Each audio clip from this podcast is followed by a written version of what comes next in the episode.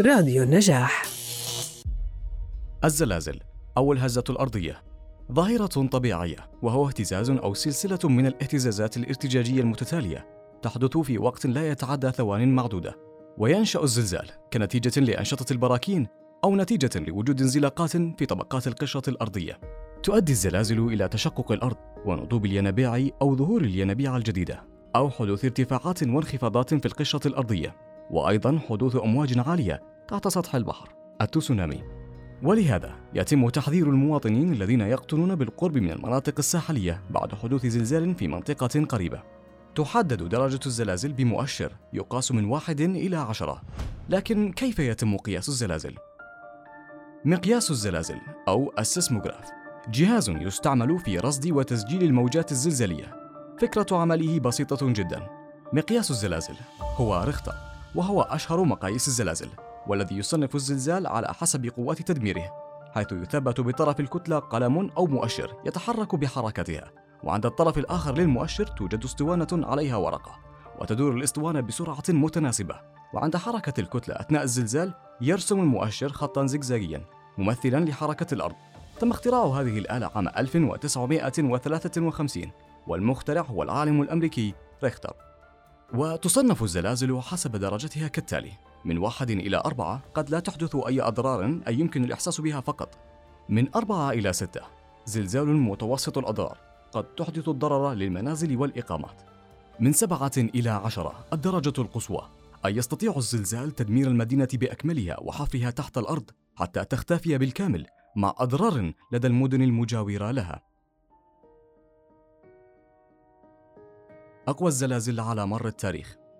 زلزال فالديفيا عام 1960 زلزال فالديفيا أو زلزال تشيلي الكبير وقع يوم الأحد الثاني والعشرين من مايو عام 1960 وصنف ب 9.5 على مقياس درجة العزم ونتج عنه تسونامي تأثر به جنوب تشيلي، هاواي، اليابان والفلبين وشرق نيوزيلندا وجنوب شرق أستراليا.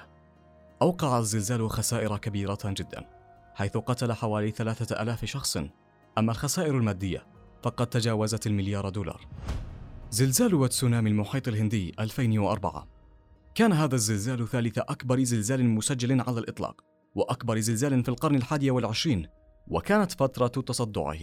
أطول فترة ترصد على الإطلاق إذ تراوحت بين ثمان وعشر دقائق.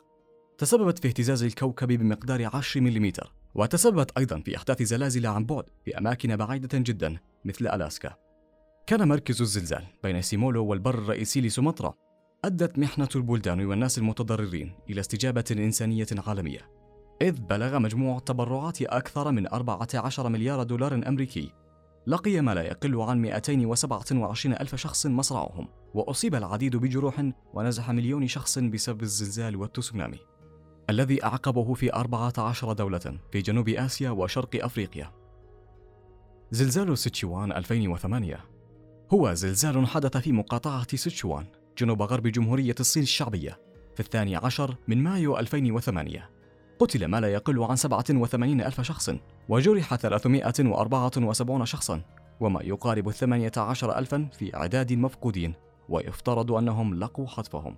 تضرر أكثر من 45 مليون شخص في عشر مقاطعات ومناطق. تم إجلاء ما لا يقل عن 15 مليون شخص من منازلهم وتشييد أكثر من 5 ملايين شخص. انهار ما يقدر بنحو 5.36 مليون مبنى وتضرر أكثر من 21 مليون مبنى. وقدرت الخسائر الاقتصادية الإجمالية بنحو 86 مليار دولار أمريكي. تم جمع تبرعات تقدر ب 1.5 مليار يوان ما يعادل 216 مليون دولار أمريكي. كانت المملكة العربية السعودية أكبر مانحا للمساعدات للصين حيث قدمت السعودية أكثر من 40 مليون يورو مساعدات مالية و8 ملايين يورو للمساعدات الغذائية. زلزال وتسونامي توهوكو 2011 زلزال عنيف بلغ 8.9 على مقياس العزم الزلزالي قبالة سواحل شرق اليابان يوم الحادي عشر من مارس 2011 ونجم عنه موجات التسونامي في المحيط الهادي. ويعد هذا الزلزال أعنف الزلازل في تاريخ اليابان منذ بدء توثيق سجلات الزلازل قبل 140 عاما. وسبق هذا الزلزال بيومين زلزال هونشو في ذات الموقع تقريبا وبقوة سبعة على مقياس العزم الزلزالي.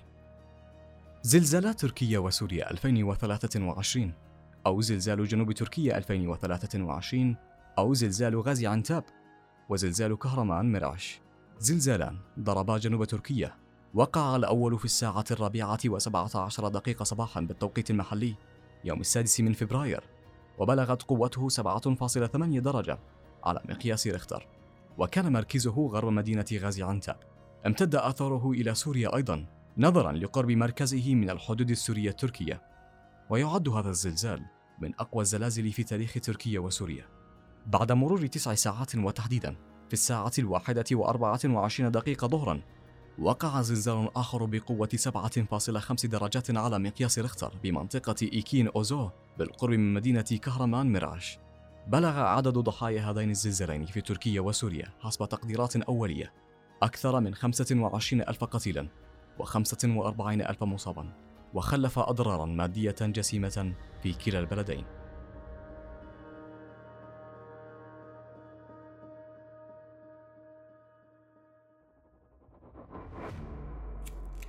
الزلازل بطبيعتها مرعبة للغاية لأنه لا يمكن التنبؤ بموقع أو وقت دقيق لحدوث زلزال معين والوقت الفاصل قصير للغاية.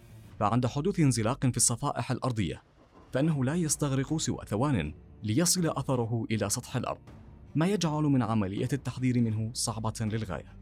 وتعد الزلازل أحد أسوأ الكوارث الطبيعية التي تهدد الحياة البشرية مخلفة خسائر كبيرة جدا.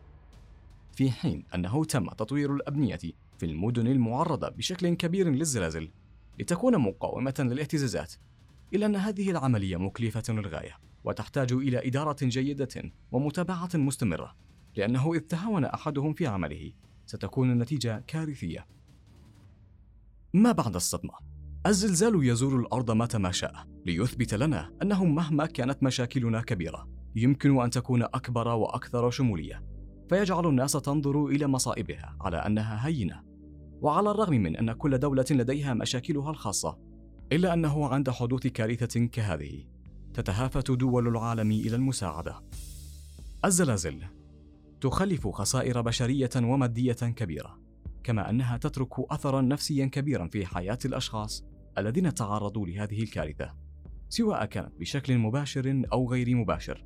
من أكثر هذه الاضطرابات انتشارا إثر حوادث صادمة كالزلازل هو اضطراب الكرب التالي للصدمة وغيرها من الاضطرابات المصاحبة. نسأل الله السلامة لمن عاش أهوال الصدمة والرحمة لجميع الأرواح التي فقدت. علي يوسف راديو النجاح